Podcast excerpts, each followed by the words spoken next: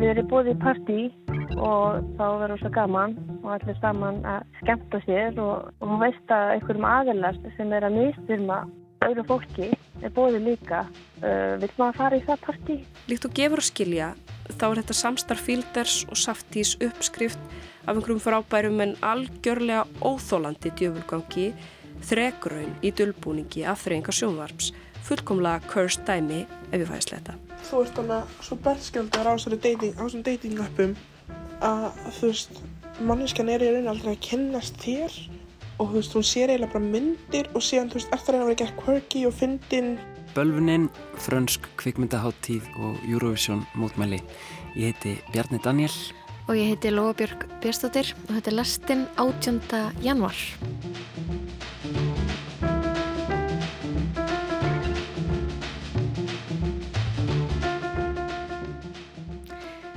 Já, viljum að heyra um, setna í þættinum um dagskrána á franskri kveikmyndaháttíð sem að hefst í Bíóparadís í kvöld. Svo ætlar Brynja Hjalmstóttir að segja okkur frá glænýjum þáttum uh, sem heita The Curse og eru úr smiðju Nathan Fielder og Benny Safdie og eru svona með því óþægilega sem hægt er að horfa á í sjónvarpi um þessa mundir. En við ætlum að byrja aðeins annars þar. Já, við ætlum að byrja á að pæla í mótmælum og uh, tónlist en ekki beint mótmæla tónlist, uh, eiginlega alls ekki. Við ætlum að pæla í Eurovision og, og þáttöku Íslands í Eurovision uh, sem að hefur verið nokkuð umdelt. Um, það barst tilkynning í dag um það að EBU, European Broadcasting Union, myndi ekki meina Ísrael þáttöku í keppninni í ár og já, það hafa, sko, meira sér áður en að þessi Eh, ákvörðun var tilkynnt að þá uh, hafa Íslandikar verið að uh, dreifa undirskriftalistum þess efnis að, að, að rúf drægi Ísland úr keppninni uh, ef Ísrael fer að taka þátt. Þannig að hérna, það er, já, það er óanægja með þetta. Og í dag var emt til mótmæla, það var sagt, búið að sefna saman 500, næstu 550 undirskriftum íslenskra tónlistamanna sem er að hvetja Stefán Eiríksson útvarstjóra og Rúf til þess að eh, endur skoða uh, þáttöku Íslands í, í keppninni. Og já, það var enn til mótmæla hérna fyrir utan í dag og ég kikti þanga, þetta var reynda bara rétt áðan, ég var, var bara að koma inn. En það er svolítið kaldur En áðurinn ég fór og, og skoði þessi mótmæli þá ringdi ég í uh, Lóvísu Elisabeth uh, Sigrunandóttur Leiló, uh, hún er eina af því tónlistafólki sem kom þessum undirskriftalista af stað og tók þátt í að skipulegja mótmælinn í dag. Við skulum heyri Leiló.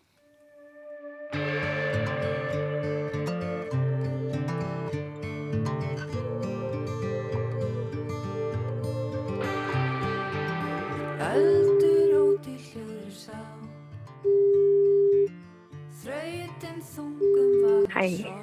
Halló. Halló. Þrá sem lagar, brennur sem á, likur í leiði, leiðindar maður, þeir, þeir. Ljósar skipt. Varandi þessi mótmæli í dag, getur þú sagt okkur bara hvað er í gangi, hvað er að fara að gerast? Já, sko, hérna, það fórast að undirskriftarlisti uh, fyrir áramót þar sem að fólk var að hérna, hvetja rúf til þess að taka afstöðu með, í þessu máli með að, með að taka ekki þátt í Eurovision ef Ísrael er með og þrýsta á hérna, EBU um að, að, hérna, að vísa þeim úr keppni og við ákváðum að gera bara annan lista aftur með hérna, tónlistafólki sem er svolítið í þessum bransa, þessum bransunum þannig að hérna, bara til að ítrekka og, og það komi hérna, ansið mikið fjöldi tónlistafólk sem búin að skrifa undir og við ætlum að aðfenda þennan lista á eftir og Stefan út á stjóðu ætla að taka við honum mm -hmm. og já. Hvað er þetta hérna, mikill fjöldi fólk sem hefur skrifað undir þennan lista? Þetta er eitthvað heldur komin upp í 530. Og allt tónlistafólk? Já. Einmitt. Um, hafið þið lendið í þegar þið eruð að sapna þessum undirskriftum að þið hafið fengið neikvæð viðbröður, eitthvað sem eru ekki til í að taka þátt í þessu framtaki. Vil ekki setja napsitt við þennan málstað, kannski? Já, það er náttúrulega bara svolítið nýstönd kannski hvar fólk stendur. Það er kannski margir sem að vilja ekki að taka neina svona pólitíska ákvörðin. Það fylgir oft í svona að vera tónlistamanniska og hérna og svona kannski ef þú þekkt þá er hafa sumir svona haldið út af fyrir sig þannig að það er sumir svona kannski stiðið málstæðin en vil ekki skrifa þess að listan hefur hitt líka sko þannig að það er svona alls konar sem að hérna spilar inn í en, en það er hérna heilmikið fjöldi sem að vil skrifa undir og vera á þessum lista. Mm -hmm. Þetta er eitthvað sem maður heyrir og hefur heyrt í sambandi við sko Rúsland og síðan í sambandi við Ísrael núna um, að, að fólki finnst Eurovision einhvern veginn ekki vera sko pólitískur vettvangur en, en þessi aðgerð sem þeir eru að standi núna einhvern veginn gefur eitthvað annað í skinn, gefur eitthvað annað til kynna þú veist, er Eurovision pólitískur vettvangur og, og þú veist, hva, hvaða merkingu hefur það stíga á svið uh, þegar að uh, til dæmis Ísrael er einhvern veginn að, að taka þátt líka Já, einmitt. Mikið verið að segja það að Eurovision eigi ekki að vera pólitíst en það stýndi sig hérna þegar Rúslandi var vikið út að það er politíst og ef maður bara skoðar þetta út frá svona bara svona einfalt þá ef við erum búið í partí og þá verður svo gaman og allir saman að skemmta sér og, og hún veist að einhverjum aðelast sem er að mistyrma öðru fólki er búið líka uh, vil maður fara í það partí og hafa gaman. Mér finnst vera mikið vegt að taka afstöðu og mann er líðstundum svona hálf eins og hérna að maður endalast að skrifa undir undirskriftarlista og, og stundur líður mann eins og það sé eins og maður getur gert eða, eða að deila deila fréttum eða meila áfram á samfélagsmiðlum um þetta málefni. Mm -hmm. en það sýnir sig alveg að það hefur áhrif sko. Bara til dæmis eins og með þegar Rúsland var, var ekki úr Júruvísin fyrir hvað tímur á síðan þá var það bara þrýstingur sem kom hérna byrjaði í Finnlandi og, og hérna ég held að sjónstöðum þar hafi hótað að draga svo keppni og hérna og önnu land fylgdi svo kjálfarið og, og, svo, og svo var henni svo keppni. Svona undirskriftarlistar og þrýstingur hefur alveg áhrif og ég veit að fleiri listum á Norrlöndum sem er í gangi og umræðum þar þannig að það er er bara hægt áfram með þrýsta og það var núna bara, bara rétt á hans á ég á árú að vera tilkynna að EBU ætla ekki að vísa Ísrael og keppi þannig að þeir eru búin að taka afstöðu í því Já. og þá finnst mér eins og rú verða að taka afstöðu líka.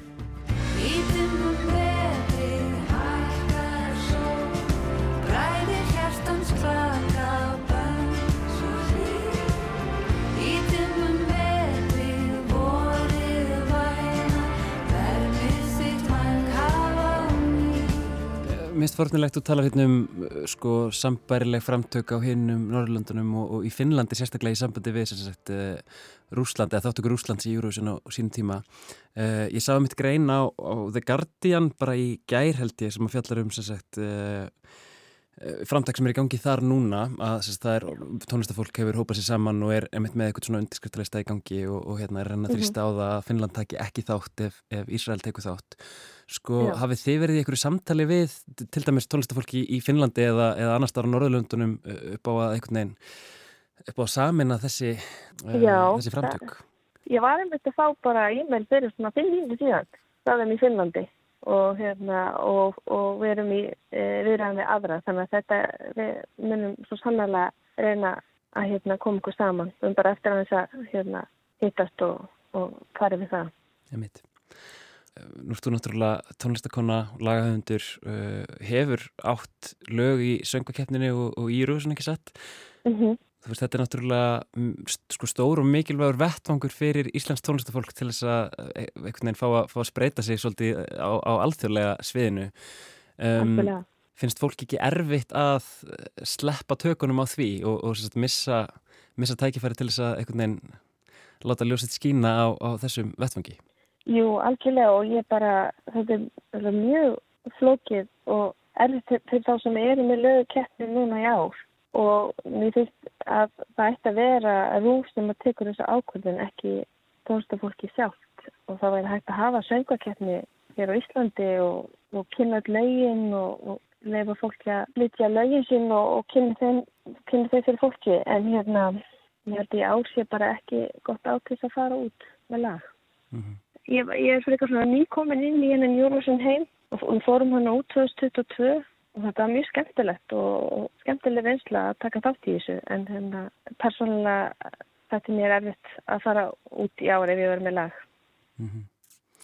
Kanski fá að fylgja þessu aðeins eftir, ég er bara, bara forritin vegna þess að sko, stór liður í umræðinu um, um sagt, ástandi á gasa núna er kannski sá að, að þetta náttúrulega hefur, hefur varað uh, mjög lengi eða sagt, það sem er í gangi núna er einhvern veginn sko, hluti af miklu stærri og lengri atbyrðarás um, Mm -hmm. en Ísrael hefur enga sér verið þáttakandi í Eurovision árum saman um, og það var náttúrulega hvort á 2018 eða 19 þegar, þegar keppnin var haldin í, í Tel Aviv þá var, heyrðist nú ekkur heyrðist ekkur á mótmælarattir frá félaginu Já. Íslandi, Palestínu uh, frá BDS-reyfingunni um að Ísland ætti ekki að taka þátt en þá var enga sér farið sko um, ástandi eru þetta sérstaklega alvarlegt núna en Mm -hmm. af hverju hefur ekki verið gripið til þess áður að, að, að þrýsta af svona miklum krafti á það að, að Ísland dræði sig úr keppninni ef, ef Ísrael fer að taka þátt? Já, en þetta er góð spurning. Ég, ég til dæmis persónulega, þegar við fórum hann að 2022, þá var ég kannski ekki að, jú, ég var kannski meðvitið en ekki alveg einhvern veginn nógu mikið búin að kynna með málið og hérna við mætum þarna og það er allt bara eh, Moroccan Oil, það, eh, keppnin bara er, hún ángar af Moroccan Oil allt, þú fær bara gjafir og, og það er allt styrt af Moroccan Oil. Og þegar ég var hann úti þá var ég bara eh, einhvern veginn, þetta var, var svo ótrúlega hérna Já, mér fannst það svolítið óþægilegt, mér fannst það bara mjög óþægilegt. Og eftir að þegar ég kom heim þá svona, þá upplifði ég smá svona, svona spurningar hjá sjálfum mig hvort að við hefum átt að- hugsa þetta betur. Mm og, og núna náttúrulega eins og ég og fleiri sem eru bara út af þetta er náttúrulega bara alveg, það er búið að vera slæmt lengi en þetta er náttúrulega bara alveg sæðilega slæmt núna. Og þá eru fleiri sem eru að sjá hvað er búið að vera í gangi og hvað er í gangi. Og þá er komast meiri meðvind um hvað er mikilvægt að ríki eins og Ísrael sem er að taka þátt í Eurovision hvort að það er heima þar eða ekki. Sérstaklega líka út af því að tónlist á að samena og, Eurovision er rosa mikið um, um frið og, og hérna, allir saman og það passar ekki að hafa ríki sem er með aðskilnaðstöfnu og er að mista um fólki. Öldur út í hljóður sá Þrautin þungum vagn sorgar sárum Þrá sem lagar, brennur sem á Liggur í leiði, leiðindar mann Þeir, þeir. Ljósar skiptum fær að sjá. Fegurð í frelsir sem þokast nær. Þó nætur hún mig skelli á. Og sögð á hugan þjá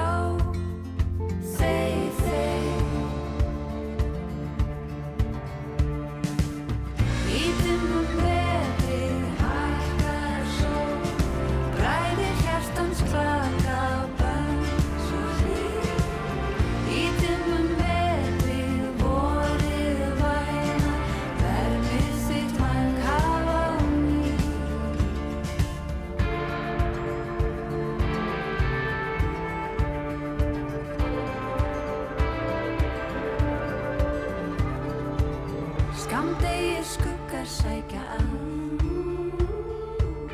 Bærast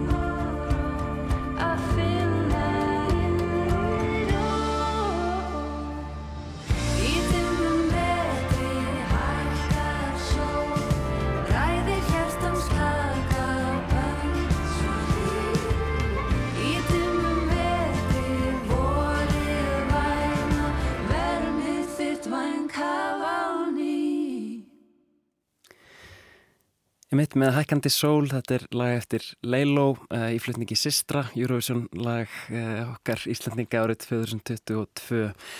Um, ég rætti þarna við Leiló um uh, mótmælinn sem fóru fram fyrir utan útvarshúsi í dag. Ég kíkti með þanga klukkan hálf fjögur og tók stöðuna á nokkrum mótmælendum. Við stundum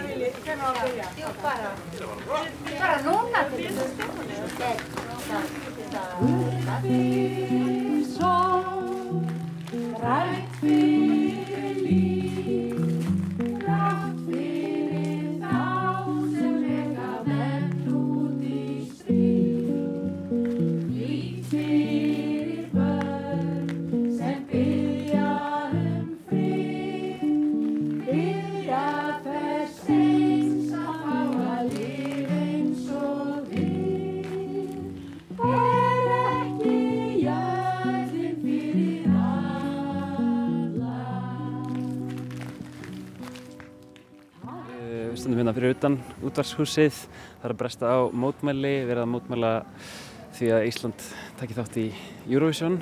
Það verður afhendur hérna undirskriftarlisti, eh, hvað, 500 og eitthvað tónlistamenn hafa Já. skrifað undir og, og já, fordæmt þessa, þessa ákvörðun um, að- um að Ísland muni taka þátt. Hérna, ég er hérna með sískinnin í, í hljómsdæri Celebs með mér. Eh, hvernig, hvernig líður ykkur í dag? Hvernig blasir þetta alls mann við ykkur?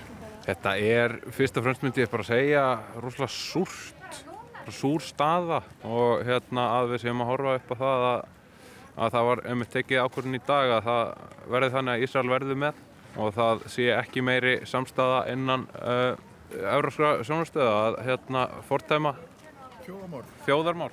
Þetta er bara galið, maður á bara bátt með að trúa þessu sko. á ekki að gefa svona ríkið neitt plattform til þess að dansa og sprella á sviði og láta eins og allt sé í lægi og hvít þvó sitt þjóðamorð hérna, veist, þetta er bara rugg þú veist, við náttúrulega búum dálítið langt í burtu frá þessum átökum en við verðum að gera það sem við getum.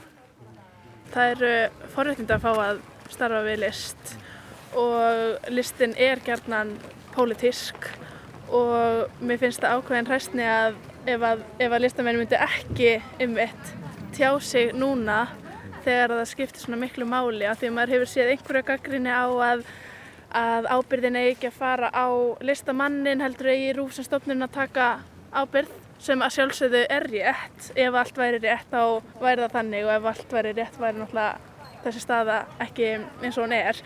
En það, eins og ég segi, það eru forréttindi að fá að vera listamæður og því fylgir ábyrð og þess vegna finnst mér sjálfsagt mál að, að auðvitað tökum við ekki, það, þú veist, tökum við ekki þátt í þessu ruggli sem er í gangi Einmitt. Ok, hérna smá pæling. Nú tókuð þið náttúrulega þátt í söngvakeppninni í fyrra uh, og, og keftu til úslita þar og, og ef, að- ef þið hefðu unnið söngvakeppnina þá hefðu þið náttúrulega farið út og, og, og kefti Eurovision. Uh, Ísrael tók náttúrulega þátt í keppninni í fyrra og þessi átök þó þið hafi kannski verið að já, sækja sér veðrið undanfarnar mánuði töluvert að, að þá hafa þið staðið lengur. Uh, var þetta eitthvað sem þið pælduð í fyrra líka? Það hefur náttúrulega alltaf verið með freka eh, slæmt álit á Ísrael út af þessum þjóðamorðið sem hefur verið í gangi í hvað 60-70 ár núna. Eh, en eh, maður var kannski, það var ekki alveg jafn ofalega í hugamanns, eh, kannski það bara út af því að þetta er svo miklu grófara núna og, og, og viðbjóðslegt að maður bara getur einhvern veginn ómögulega hort fram hjá þessu. Já, mér þykir það í rauninni bara, þetta blasir við okkur alla daga. Maður er bara horfandi á hérna, eitthvað myndskeið sem er bara ólýsanleg og hérna, þetta er fyrir fram að nefið á manni bara alla daga. Þetta er bara eitthvað siðferðisleg lína, skilur við, og ef ekki núna, býtu, hvenar, hvenar þá? Þú veist, hvenar eru að fara að segja eitthvað ef við gerum það ekki núna? Og mér þykir þetta eiginlega bara svolítið magnað miða við, þú veist, maður veldir alveg stundu fyrir sér eins og hvað, hvað hérna gekk til hjá fólki sem sagði aldrei neitt í seinni heimstyrjöld eða eitthvað svona. En núna erum við með þetta hérna bara í beinri og þú veist, og maður hugsar svolítið með sér, eh, þú veist, þeir sem að standa hjá og segja ekki neitt, þú veist, hvernig getur maður gert það? Og ef við gerum það ekki núna, þegar þetta er svona eh, bara átakanlegt, stanslust, og bara einhverjar hæðir sem að ég hef aldrei maður hefur aldrei upplifað neitt svona eh, allavega minnilífsleið sem að er svona gaggerð mannvonska. Og ef við segjum ekki neitt núna þá ég veit það ekki. Ég er bara svona, þetta er eitthvað siðferðsleg lína fyrir mér allavega sem að ég get ekki hort fram hjá Um, rétt í lokin bara, hva, hva, hverju vonist þið til þess að ná fram hér í dag? Hva, hver er svona óskar niðurstaða uh, þessar mótmælafundar?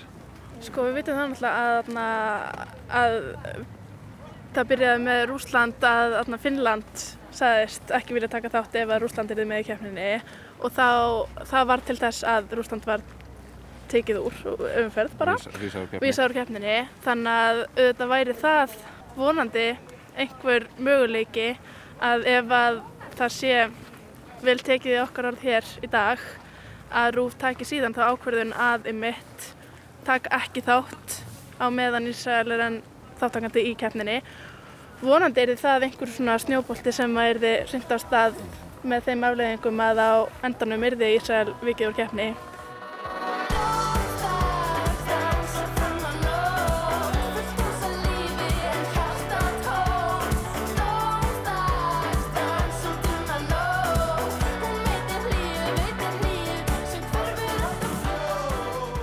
Þrátt fyrir þjóðarmorð Ísraels ríkis á Palestínu er Ísrael þáttakandi í Eurovision í ár. Rúsland var ekki rekið úr Eurovision fyrir en Finnland hótaði að draga sig úr keppni og önnur lönd fylgdu í kjölfarið. Rúf hefur völdin til þess að þrýsta á stjórn EBU um að vísa Ísrael úr keppni og Rúf getur dreyið Ísland úr keppninni ef svo verður ekki. Það er ljóst að almenningur á Íslandi, helsta áhuga fólk um söngakeppnina og fagfólkið sem er forsanda þess að keppnin getur farið fram, vill að ríkisútvarpið takið hér skýra afstöðu. Við skorum á Rúf að gera betur og draga Ísland úr þáttöku í Eurovision 2024 ef Ísrael verður ekki vísað á keppnina.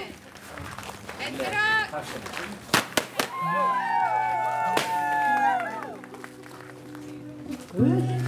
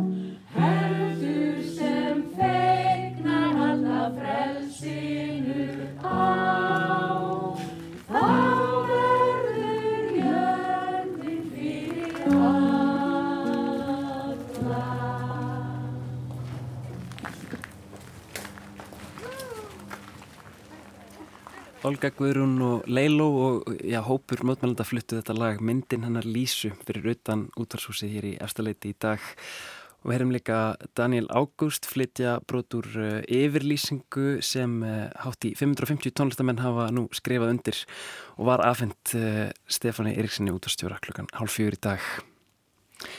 Ég tók svo púlsinn hann áðan á þeim Rappngalli, Huga, Valgeri Skorra og Köllu Vigdísi Vernhards börnum. Þau eru sískinni og eh, mynda saman hljómsutina Celeb sem tókum við þátt í söngakeppninni í fyrra. Við ætlum að fara úr Eurovision og mótmælum yfir í aðeins aðra salma. Um, Brynni Hjálmsdóttir skáld er uh, orðin sjómaskakrimandi lestrannar. Það er svo gaman. Já, það er mjög gaman. Um, Það fyrsta sem við fáum að heyra frá Brynju er rýni í nýja sjónvastætti sem að koma úr smiðju HBO. Um, það eru þættinir The Curse, eða Bölvunin. There's no such thing as a perfect city, but to me, this city is as close as it comes. That's why we're proud to call Espanola my home. Oh, shit. Our home. All right, you got it. It's okay. This isn't your typical home flipping show. My homes are reflecting the local communities. Come on. and we're husband and wife. Þau sem þekkja kanadíska sjómasmannin Nathan Fielder og rífast að verkum hans hljóta að vera haldinn einhvers konar kvalalosta. Ef Andres Önd er holdgerfingur óhefninnar er Nathan Fielder holdgerfingur vandræðalegans. Fielder er einhvers konar síð, þveröfuð, síð, móternísk afurð raunveruleika sjónvars formsins. Raunveruleika sjónvarp stendur vitanlega ekki undir nafni. Sá raunveruleiki sem þar byrtist er meðhöndlaður raunveruleiki. Hann er höfundaverk einhvers eða einhverja. Þessu hefur Nathan Fielder mikinn áhuga á. Annars vegar sviðsetningu raunveruleikans í sjónvarpi og hins vegar þeirri sviðsetningu sem daglegt líf Vesturlanda búa er í raun og veru. Árið 2022 kom þáttaröðans æfingin The Rehearsal út á HBO. Þar býður Nathan Fielder fólki upp á að æfa hinn og þessi atriði úr hverstaslífinu svo þau séu betur undir þau búinn þegar þar að kemur. Hann býður konu sem langar til að vera móðir upp á að æfa sig með dúkku barni sem öskrar og vaknar um nætur. Svo þroskast barnið og einni nóttu verður fjórara og þá er leikari ráðinn til að leika barnið. Í öðrum þætti vil maður byggjast afsökunar og fær þess kosta að æfa það samtal aftur og aftur. Í öllum þáttunum nær Nathan, eða personan sem hann leikur, að setja sjálfan sig inn í aðstæðunar og þar með ofinberast að hann er ekki einungis að hjálpa fólkinu í þeirra þáu, heldur til að uppfylla sína eigin þörf fyrir ást og viðkenningu. Hann er mjög hörundsár ef að fólk hefur engan áhuga á þessari hjálp sem hann býður verður hann mjög dapur. Í þessu afhjúpast annað þema sem er honum hugleikið, spurningin um hvort vilji okkar til að hjálpa öðrum komi til af raunverulegri gæsku þörf til að breyta rétt eða hvort að sérun sjálfsberga viðleitni sem drýfur okkur áfram, þráinn eftir klappi á bakið. Gerir maður góðverk til að auka lífskeiði annara eða sín eigin? Þessar vangveltur eru einnig leiðarstef í þáttunum sem að stóðu uppurunlega í gegn með árið 2013, Nathan í þína þáu, Nathan for you. Í þeim starfar ekki eins konar þjónustu sem hjálpar fyrirtækjum í misir ekstrar vandamál og oft á tíðum eru þetta ekki beint vandamál. Lausnirnar á þessum vandamálum sem er ekki vandamál orsaka hins vegar í mis vandamál. Gjarnan felast lausnirnar í íburðamiklum auglýsingabrellum og undarleiri kynningastarsimi. Í einum þekktasta þættiseríunar leggur Neithan til að ísbúð bregðist við tvínandi viðskiptum með því að bjóða upp á gríðarlega framandlegar bræðtegundir, þar á meðan þá framandlegustu sem hugsast getur kúkabræð. Hann heldur því fram að þótt fólk verði kannski ekki beint spennt fyrir að smakka þennan ís, þá munið þetta vekja forvitni og umtal og nefnir hérna markveðinu vísu um að allt umtal sé gott umtal. Nú á dögunum leitt nýjasta afurð fylgders dagsins ljós. Þáttaröðin Bölvunin, The Curse, sem framleitir af Showtime og Paramount. Þættirnir eru samstarfsverkefni hans og leikstjórans Benny Safdie, annars helmings Safdie-bræðrana, sem þekktir eru fyrir kvikmyndinar Góðar stundir, Good Time og Óslýpaður demantur, Uncut Gems. Verk Safdies gera sumulegis út á óþægilegheit af örlítið öðrum toga. Ef fylgdar sérhæfi sig í vandræðilegum kringumstæðum og skrítnu fólki, þá sérhæfir saft í sig í djúb köfun í kringum stæður sem eru allt í senn óþægilegar, hraðar og stór hættulegar þar sem líf, limir, orðspor og auðleg personana leikur að veði og undantekningalöst eru þessar personur flektar í flókin lega vef og dramatík í einhverju ómögulegu klapplaupi við brjálaða glæpamenn og hraðskreðar skeðklukkur. Að horfa á þessa myndir framkallar margar andarteppur og fær rólegasta fólk til þess að fálma eftir blóþrýstingsmælinum. Líkt og gefur að skilja þá er þetta samstarf fílders og saftís uppskrift af einhverjum frábærum en algjörlega óþólandi djöfulgangi, þregraun í dölbúningi af þreyinga sjónvarps, fullkomlega cursed dæmi ef ég fæðist þetta. What is that? That's nothing. This is, you don't need to see this. Why did you snatch back the money? Why didn't you just give her the hundred? I was gonna buy six of them for $20. curse you. What did she say? Þættirnir bölvunin eru með ögn öðruvísi sniði en fyrir verk begja höfunda. Hér er sannur bræðingur á ferð. Í anda Fielders er raunveruleika formið kjarni í verkinu, en í anda Saftís eru þættirnir í hefðbundum frásagnastýl, skálda handrit þar sem ákveðinni sögu er miðlað. Eða þeir hafa ásýnd þess að vera með hefðbundnu sniði. Ef ég þekki þessa pörupiltar rétt er dansað eitthvað á línunni þarna. Sjálfsagt eru margi leikararnir ekki faglæðir, sjálfsagt er óskálduðu efni blandað við skáldað. Ljóst er þó að Safti hefur haldið um fagurfræðilega töminn hér. Skotið er á filmu og framköllun og litgreiningar engar saftileg með kortnottri áferð og afgerandi litum. Anda fíldar smá aftur á móti greina í leik og vali á sjónarhórnum sem gefa oftar en ekki tilfinningu fyrir því að áhörundur liggi á gæjum síðan að sjá eitthvað sem þeir ættu ekki að vera vitnað. Sagan hverfist um hjónin Asher og Whitney Siegel sem leikinn eru af Nathan Fielder og stór leikoninni Emmu Stone. Hjónin eru eins og við maður búast að reyna að koma raunveruleika þætti sínum á kopin. Doggy, leikstjóra á framleiðanda þáttana, leikur Benny Safdie. Þættirnir inn í þáttunum heita hennu óþjála nafni Flip Anthropy, blanda af orðunum flip eða flippa í merkingunni að braska með fastegnir og philanthropy sem merkir mannúðarstarf. Í þáttunum gera hjónin góðverk í borgsinni Espanjóla við Nýju Mexiko, útvega atvinnulusum störf, styðja við nýj fyrirtæki og fleira þess að þar. Á yfirborðinu snúast þættirnir sem satt um hinn og þessi samfélagsverkefni sem þau standa fyrir. Í rauninni eru þættirnir ein stór allsæra kynning á fastegna eventýriðra hjóna sem gengur út á að kaupa og dýra regnir og Whitney sem er arkitekt breytir þeim í svo kvölduð vist heimili sem eiga að vera algjörlega byltingakent og umhverjusvænlaust í hamfara hlínandi heimi. Vist heimilin virðast af þessu mein gölluð og í ofanalag gríðarlega óheimilisleg.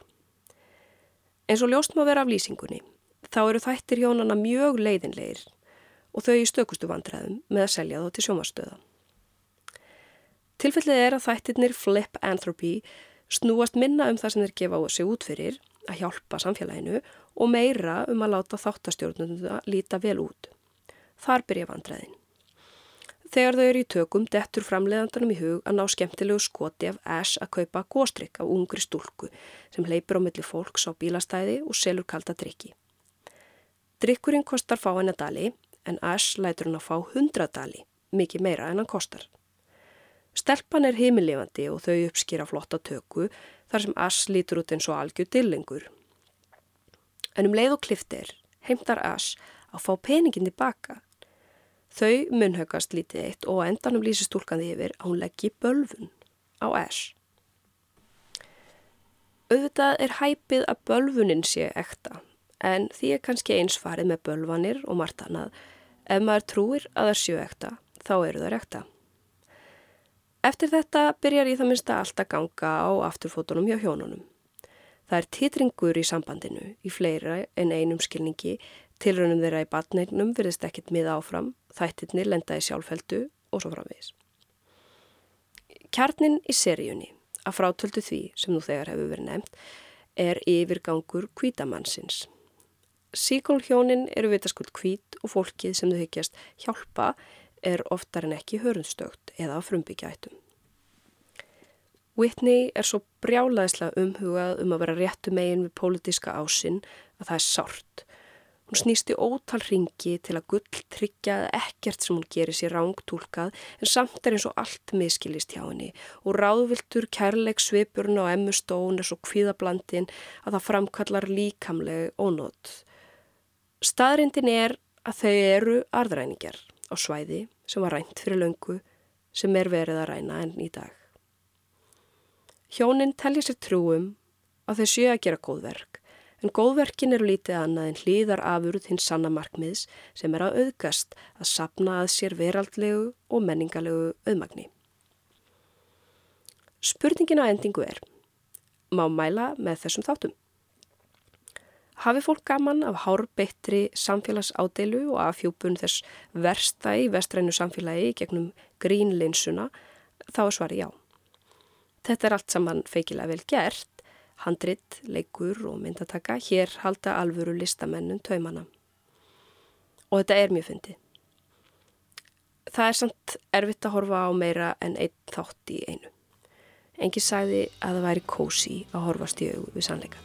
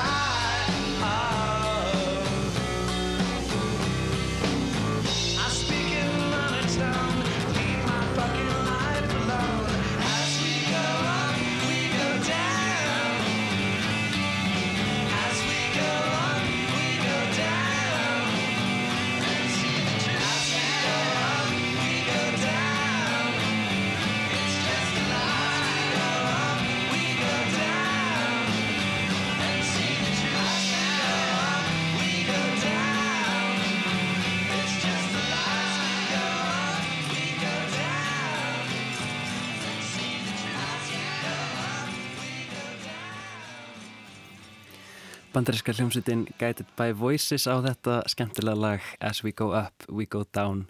Lag sem ég fór eitthvað að hugsa um eftir síðasta þáttin af The Curse. Já, þú ert búin að klára. Já, ég er búin að klára seríuna, já. Já, ég þarf að taka hana í smáum skömmtum út því að þetta er, það er bara eins og Brynja tala um, það er bara mjög erfitt að horfa á þetta. Maður engist um. Já, já þú, virkilega... þú, Varst þú bara að bara og taka það og svona Nei, ég tók þetta ekki á háminu sko en, en hérna, ég byrjaði að fylgjast með í rauninni strax þegar fyrsti þátturinn kom þannig ég er búin að vera, vera að taka þetta svona mm -hmm. cirka vikulega uh, klukkutíma í senn mm -hmm. og já, mér alveg nóg, ég er samanlægi sko það er, ekki ekkert að háma þetta Ég sá um eitt sko, þegar ég áðurinn í byrjaði þá sá ég umræðarnetinum bara eitthvað, ok, þetta eru óþægilstu þættir sem hafa verið gerðir og ég var eitthvað, ok, þannig mér finnst það ekki svo hræðilegt og svo kom bara senan sem bara gerði út af mig mm -hmm. veist og ég þurfti bara að stoppa og ég hef vel ekki getað ítt af, já, já, já. af, af stað aftur mm -hmm. síðan þá um, en já, við ætlum að halda okkur svona svipum slóðum um, fara úr sjómarpi yfir í bíó og, og kynna okkur dagskrana á fransku kveikmyndaháttíðinni sem að hefst í kvöld ég fekk hana Önnu Margretti Björnsson hingað í lestina til þess að segja aðeins frá T'es sorti quand déjà de prison? Il y a une semaine. Qu'est-ce que tu vas faire maintenant pour gagner ta vie? Bah, Je vais faire un peu d'intérim.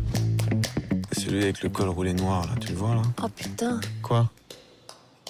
Mais il est canon Sylvie Et qu'il est le troisième en 10 ans, tu l'as prévenu aussi ou pas? C'est plus une prison, c'est un club de rencontre. Þetta er mjög mikill viðbyrður, þetta er, búið, þetta er núna í 2004. skipti sem að þessi hátíð er haldinn sem gerir hana eldstu kveikmyndahátíð í Reykjavík og Íslandi mm. Og er svona hápuntur ársins hjá okkur og það er sérst við franska sendiráðið Alliance Française Reykjavík og Biopardi sem standa hátíðinni með góðum styrtaræðilum og hérna þannig að janúar er náttúrulega glataðar mánur en hann er ekki svo glataðar hjá okkur og við bara, það er núna tveggja vikna menningar veisla í vendum þannig að það er bara um að gera hafa kósi í bioparadís og, og hérna hella sér út í dagskrana Ef við byrjum kannski á helginni sem er framundan þá í rauninni mæli ég með bara að vera í bioparadís alla helgina því að hérna, það verður ískallt og það er bara bíó og viðbörðir alla helgina á hérna svona opnamynd hátíðarnar er mjög fyndin og mjög skemmtileg svona uh, hasarmynd okay. sem að er með mjög frægum leikstjóra uh, sem bæði leikstýr og leikur í myndinni, hann heitir Louis Garrel Mm -hmm. Og myndin heitir Hinn saglösi og hún fjallar um mann sem er að reyna að stöðva svona miðaldra móðu sinna frá því að giftast fanga. En svo á endanum þá flækist hann í mjög undarlega atbyrðarás þar sem hann er komin inn í eitthvað skonar ránsplott á íraunskum kavjar þannig að hérna Ég ætla ekki, þetta er hljómar frekar auglíkslega en þetta er alveg mjög fyndin mynd sem ég held að bara allir hefði mjög gaman af og enda var þetta einn sölu hæsta myndin í Fraklandi á síðast ári. Ok, það er svo leiðis. On m'a dit c'est quoi cette fois-ci C'est le smartphone Du caviar. 3000 euros le appelles tout de suite et tu dis oui. Þessar myndir á svona fransku kökum dáti mm -hmm. er, er bara eitt tæki fyrir þess að sjá þar eða? Nei, er... alls ekki, sko, þar eru svona frumsýndar kannski um helgina og svo er þar síndar alveg nokkur sinnum. Og til dæmis opnamyndin verður sínd alveg áfram eftir hátíðina og, og oft á meðan hátíðin stendur. Mm -hmm. þannig að neini, það eru mjög fáar, það eru nokkra myndir samt sem eru bara síndar einu sinni, þannig að bara endilega kíkja á dagskrana á Bíóparadís til að sjá síningatímana en sem sagt svo laugadaginn um eftirmiðdaginn þá verður sínt mjög skemmtileg svona fjölskyldumynd sem heitir hérna Littla gengið. En þá fengum við mentaskólanema sem eru í frönsku. Þeir hafa hjálpað okkur árlega hérna að velja mynd á hátíðina og þeir völdu þessa mynd og þannig að endilega kíkja á af hverju og þeim fannst þetta besta myndin. Mm. um, svo á laugadagskvöldið þá frumsýnum við svona að mínum er eina mest spennandi mynd hátíðarna sem heitir Disco Boy og er frumraun leikstjórnans Giacomo Abruzzo og er svona mjög listræn og mjög fríki geggja flott mynd sem að hérna fjallar um rússa sem að eru sem fara í frönsku útlendingahersveitina og enda í Nígerju oh. Yes Og, og hvernig myndir þetta? þetta? Þetta, er þetta drama eða spennu eða? Ég, þetta er svona, jafnvel svona smá, það er svona pínu súrjálískur tótni í henni. Uh, hún er bara allt þetta sem þú mentist á og svo verð ég nú að minnast að það að hann er viðstættur, hann er að fljóða landsins mm. bara á morgun, leikstjórin og hann verður á þessari fyrstu síningu á lögataskvöldið, verður hann með... Uh, svona spjall, leikstöru spjall eftir á. Þannig að fólk má endilega hingra og, og má spyr, spyrja hans spurninga. Ó, Nostra. Vous êtes clandestin? Sans papier? C'est pas un problème Plús það að við bjóðum upp á smakkun á súkulaðibjór frá Fílabennströndinni í samstæði við Íslands Brukhús og alls konar þannig að það verður stuð á, á lögutaskvöldi. Mm. Og svo sunnudaginn er líka svona mikill fjölskyldudagur að því að þá verðum við með æðislega gullfallega teiknumind fyrir þá sem eru með leið á að sína börnunum endalast Disney og Pixar dot. Þá er hérna æðislega teiknumind eftir Michel Ocelot sem er mjög frægur og gerði meðal hans kýrikómyndinar. Og þar verður búið upp á pönnukökur, ekta franskar fyrir krakkana og svo um kvöldið verða hérna, skiptuna þrjár síndar. Splunkun í útgafa með hérna, stórstjórnum eins og Vincent Cassel og Eva Green og á undan þeirri síningu verður skilmingasíning í Bíóparadís með skilmingafélagi Reykjavíkur. Þannig að það er eins og sér, það er alveg nógu aftaka um helgina. Er eitthvað, er eitthvað svona sérstaklega mikið í gangi núna á franskri kökumdáttið, er þetta bara alltaf svona? Það er bara alltaf svona, nei, nei. það eru, við verðum svo með fleiri viðbörði þannig að eins og ég segið, ef við missið það fyrstu helginni þá bara heldur þetta áfram alla næstu viku og næstu helgi og það verða fleiri viðbörður í gangi. Og svo má nú nefna alveg nóg af öðru myndum, það er eiginlega myndir fyrir alla á sér háti, það er mjög mingil rómans og hérna, jáfnveil ein mjög erotísk mynd. Mm -hmm. svo er hérna svona sci-fi vísindaskálskapur um fólk sem að stökkbreytist í dýr sem er alveg geggjuð, mælum henni. Og svo Leon Líka. Leon, heyrðu, svo klassiska snild eftir Luc Besson, hún verður sínd og hérna, hún verður bara sínd í eitt skipti og ég er voru hrættum að það sé mjög fáir miðar eftir þannig að ef þið hlusta á þetta bara drífa sig að ná síðustu myndunum. Mm. Að, hérna, þessi mynd sló náttúrulega algjörlega í gegn á Íslandi þegar hún var sínd fyrir hvað, 25 árum síðan eitthvað svo leitt. Ég er búin að vera að hugsa um það þarna sem við rættum þetta en það fram með af hverju Leon hérna, af hverju hún sló svona í gegn já, sko. og núna þegar ég hugsa tilbaka mjög langt sen ég sá hana mm -hmm. þá þykir mér eitthvað svo vænt um hana en samt er hún stór fyrðulegu til að hvað er þetta, svona maður og miðum aldrei sem að byrjar að hugsa um eitthvað úl, eða svona já, hún, sko, já, það er úlingur hún er 12 ára 12 ára í myndinni. Það er svo sem ekkit eitthvað neitt ræðild sem gerist ekkit, ekkit hérna, sem gerist þér á millið þannig sem er óviðgægandi en þetta er, já, þetta er skrítin mynd. En ég veit ekki, ég held að Luc Besson hefur alltaf verið mjög vinsall ég man að ég fór svona einn fyrsta listrana myndin sem ég sá í bíó var hérna Big Blue eftir hann. Og þú veist sem sló algjörlega í gegn þegar ég var bara táningur og svo er það hérna Leon og Nikita ef við munum til henni, þannig að já, bara þetta er eitthvað sem hafði það greinlega mikill íslendinga og þetta annara Það er þetta líka þetta íkoniska útlitt Natalie Portman svona... Algjörlega, þetta er náttúrulega bara svona á, ákveðin tísku referens þessi bíómynd. Já, emitt mm. Man, all we do is work. We need a break. Let's play a game. What kind of game? I have this great game. It makes you think and it helps your memory It's exactly what you need. Okay. Það er mjög spennandi mynd sem verður fremsýnd sko aðra helgina, ekki núna heldur næstu. Og hún hérna er frönsk kveikmynd sem var tekin á Íslandi og er meðframleita af Trúnorð og það verður, en hún gerist þess að ekki á Íslandi, hún gerist ekstar við Suðuskautið en hérna hún er mjög spennandi, hún er svona survival mynd um fólk sem týnist þarna á einhverjum báti þannig að mjög, ég er mjög spennt, ég er ekki búin að sjá hana en ég er mjög spennt að sjá hana mm. Þannig að ég veit að fransk kökmyndaháttíð fyrir alla en er þetta ekki líka svona fyrir þá svona frakka á Íslandi eða franskumælandi Íslandinga til að er þetta ekki svolítið svona uppskýraháttíð fyrir þau? Algjörlega, þetta, þetta er þetta uppskýraháttíð fyrir þá en ég held líka bara aðalega finnst mér þetta mjög mikilvægt fyrir bara Íslandinga að koma og sjá eitthvað annað heldur en bandarískar Hollywood myndir bara virkilega sjá annan menningar heim og, og bara annan menningar samfélag og kannski bara pekja upp smá fransku í leðinni. Takk fyrir komuna, kærlega og bara gleðilega franska kökunduhátti. He deals the cards as a meditation And those he plays never suspect He doesn't play for the money he wins Doesn't play for respect.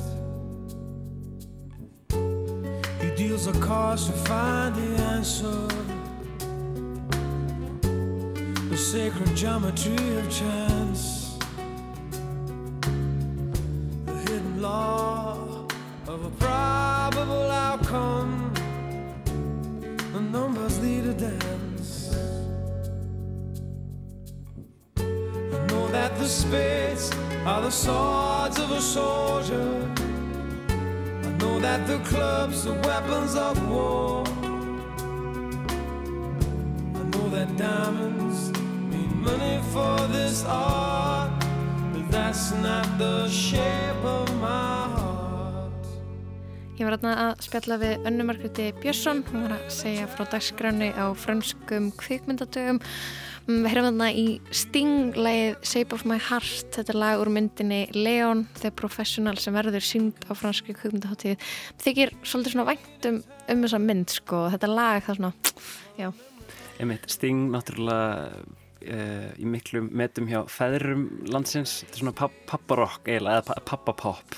Já, ég held að, ég held að máma mín bara tilbyði Sting sko, ég hef oft fengið að heyrum Sting tónleika í Oslo 1992 mikið heyrt um þá. Um, þarna svona áður en að þátturinn klárast í dag þá longaði mig að uh, nota tækifærið og já, óska eftir hmm, framlegum uh, hlustanda lestrannar. Mér langar að byrja á því að þarna að spila stutt brot sem sagt hérna fyrir, í fyrra dag í lestinni þá var ég með svona Tinder innslag þar sem ég var búin að sapna sögum uh, Tinder notenda eða notenda stefnumóta fór þetta uh, og ég ætla að vinna þetta eitthvað áfram og mér langar að heyra í fleirum uh, þannig að byrjum bara á því að heyra þetta. Þú ert þannig svo berskjaldar á þessum dating appum að þú veist manneskjan er í raun aldrei að kynnast þér og þú veist hún sér eiginlega bara myndir og síðan þú veist eftir reyna að vera ekki quirky og fyndin í eitthvað svona fun facts um mig eða eitthvað um mig, gett fyndi eitthvað en þú veist þetta getur þú veist fólk þarf ekki að lesa hlutina með ákveðnum tóni til þess að fatta þetta sé húmor. En ég hef samt alveg farið á nokkur skemmtilega tindidate í gegnum tíðina. Um, og stundum hefur það bara verið skemmtilegt kvöld og allt í góðu en e, svo er líka alveg stundum þróast út í eitthvað meira. Um, þannig já þetta hefur alveg nýst manni í gegnum tíðina. Um, en það hefur verið svona minna á því undafarið Um, ég er náttúrulega orðin þrítug, kannski ég bara orðin og gömul fyrir þetta. En já, það var svona, það var mikil skemmtilega að vera á, á Tinder svona fyrir nokkrum árum, myndi ég segja. Þannig ég líka, hefur búin að vera sko á TikTok og tjekka sér á Tinder og þá er það bara nei, nei, nei, nei, nei, endalaust að því að ekkert geðast manni og manni líður, að mér allavega líður valla eins og að sé manneskeðana hinum einn, þetta er bara einhver myndir og oft er þetta líka bara einhver myndir sem að maður hugsa með sér bara af hverju valdur þessar myndir? Af hverju þetta sem þú helst að væri til þess að hylla og það er útrúlega að fyndið að hugsa svona um þetta og útrúlega að fyndið að, segja þetta líka því þá fyrir maður að hugsa meira um það þú veist, er einhver hinum einn við, við síman, við skjáin að sjá mig og hugsa bara, ó, hvað þessi píja spá af hverju þetta myndir þar sem hún valda á sér. Já, þrýr eh, nafnlausir Tinder notendur. Um, ég fekk svo mikið efnisend að það komst ekki eins og allt í þáttinn hérna í fyrirdag. Um, en mér langar samt í meira. Ég get eiginlega hægt að spá í þessu þannig að ef þú, kæri hlustandi, finnst þú hafa eitthvað til málun að leggja átt eitthvað góða Tinder sögu þá væri ég afar þakklátt fyrir að fá tölupost frá þér Þú mátt senda mér skilaboð á lestin.ruf.is og ég hlakka til að heyra. Akkurat, en lestin verður þó ekki mikið lengri í dag. Eh, við Bjarni Daníl og Lóa Björk þakkum samfélgdina. Takkum að það var Lítja Gretastóttir. Verðið sæl. You may play the jack of diamonds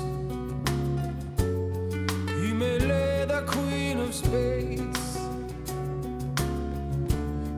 concealed, a king in his hand, while the memory of it fades. I know that the spades are the swords of a soldier. I know that the clubs are weapons of war. I know that diamonds mean money for this art,